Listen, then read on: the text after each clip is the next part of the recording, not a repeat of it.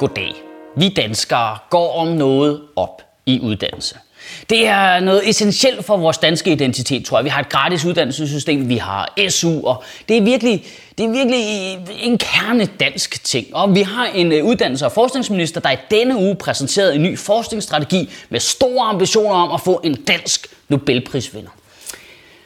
Og derfor er det super stenet, at den danske stat har politianmeldt otte forskere og professorer.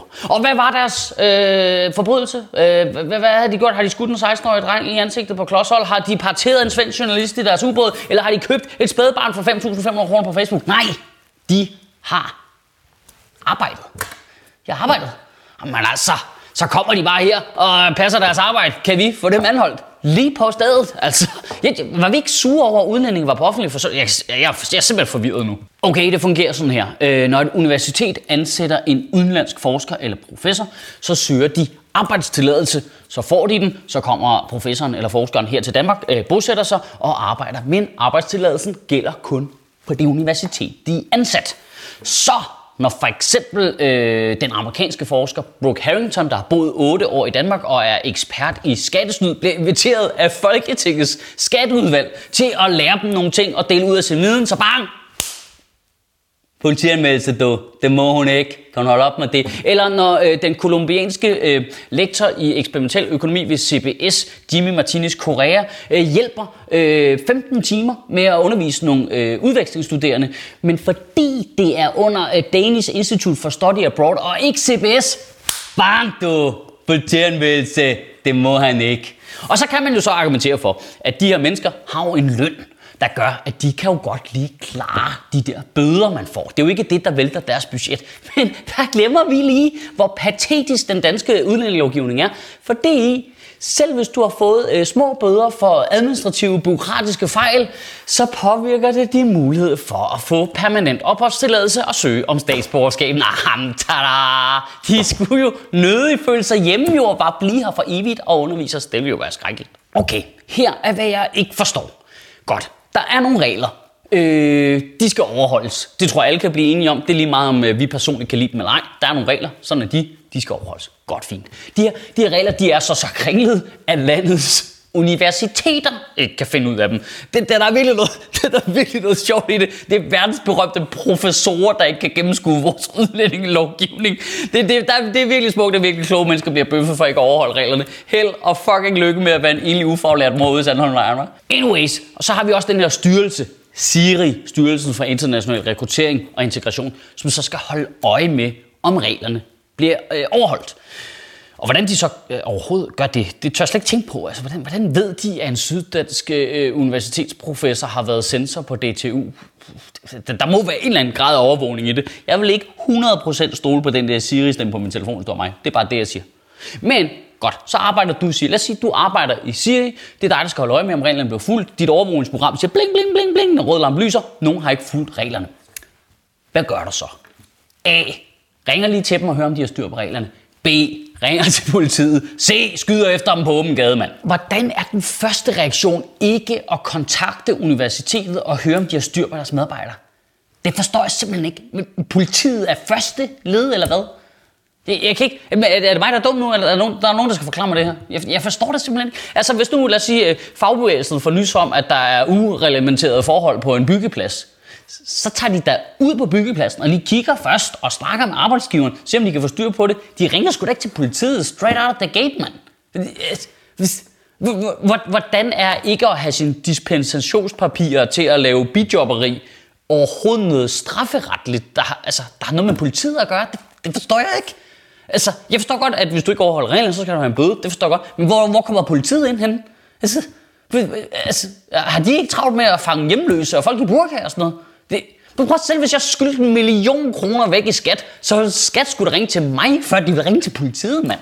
Men rolig, rolig, rolig, rolig. Øh, uddannelse- og forskningsminister Søren Pind og udlænding- og integrationsminister Inger Støjberg har lovet at lave reglerne om.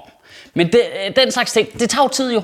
Det tager, det tager jo tid jo. Det er jo her er jo ikke øh, øh, udlændingestramninger, der risikerer at sende folk tilbage til den visse død. Det kan vi haste igennem på en eftermiddag. Det her, det er nogle lidt øh, byråkratiske regler. Det må vi lige sørge for bliver gjort øh, grundigt. Og når, det, øh, når der så er et forslag klar til at ændre de her regler, så ikke de er så bøvlede, så skal det jo så stemmes igennem Folketinget. Øh, og det er ikke alle, der er interesseret i at ændre så meget som et komma i de danske udlændingeregler.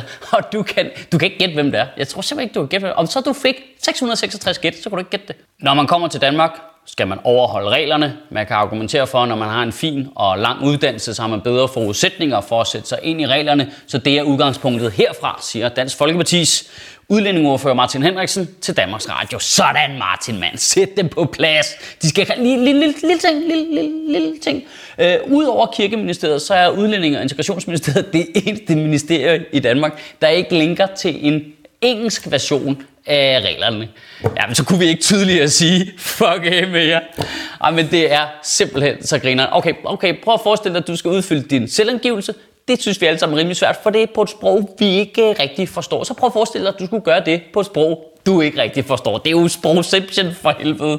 Nå, nå, okay, så de skal overholde reglerne. Øh, det, ja, okay, okay. Og så, men de skal lige lære at forstå dansk først. Altså, det, er jo, det er jo krav, vi ikke stiller til de fleste kommentarer inde på nationen jo. Så bare lige for at opsummere. Vi vil gerne være et videnssamfund, vi vil gerne have Nobelpris, men hvis du som udenlandsk forsker ikke overholder regler, vi ikke har fortalt om på et sprog, du ikke forstår, så sørg for, at du ikke kan bosætte dig her for evigt, var?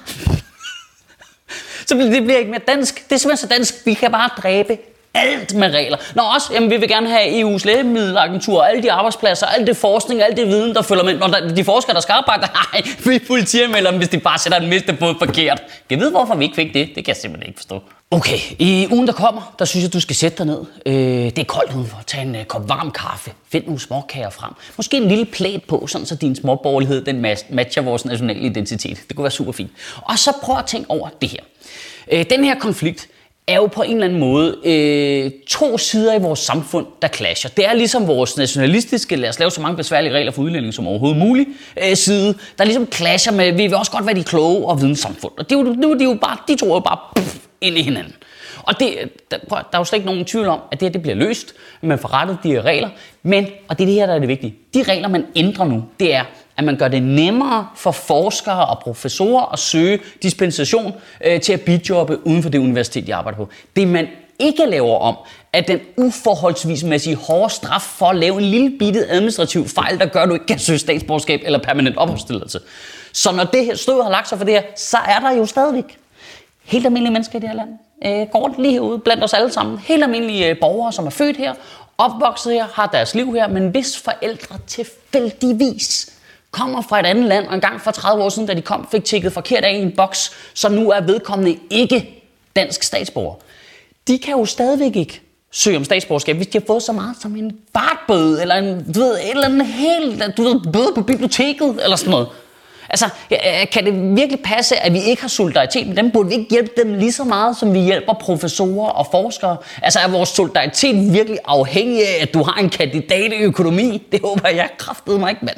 Kan du have en rigtig god uge og bevare min bare røv?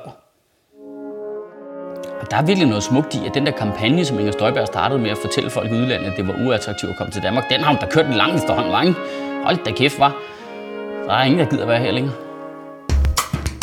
Sjøtministeriet lever af dine donationer. På tia.dk kan du oprette et donationsabonnement, hvor du giver lige præcis det beløb, du har lyst til. Og så kan vi lave flere interviews på Nørrebro Teater, flere taler, sende Sofie Flygt mere på gaden. Og hvis ikke du gør det, så er du en big shows.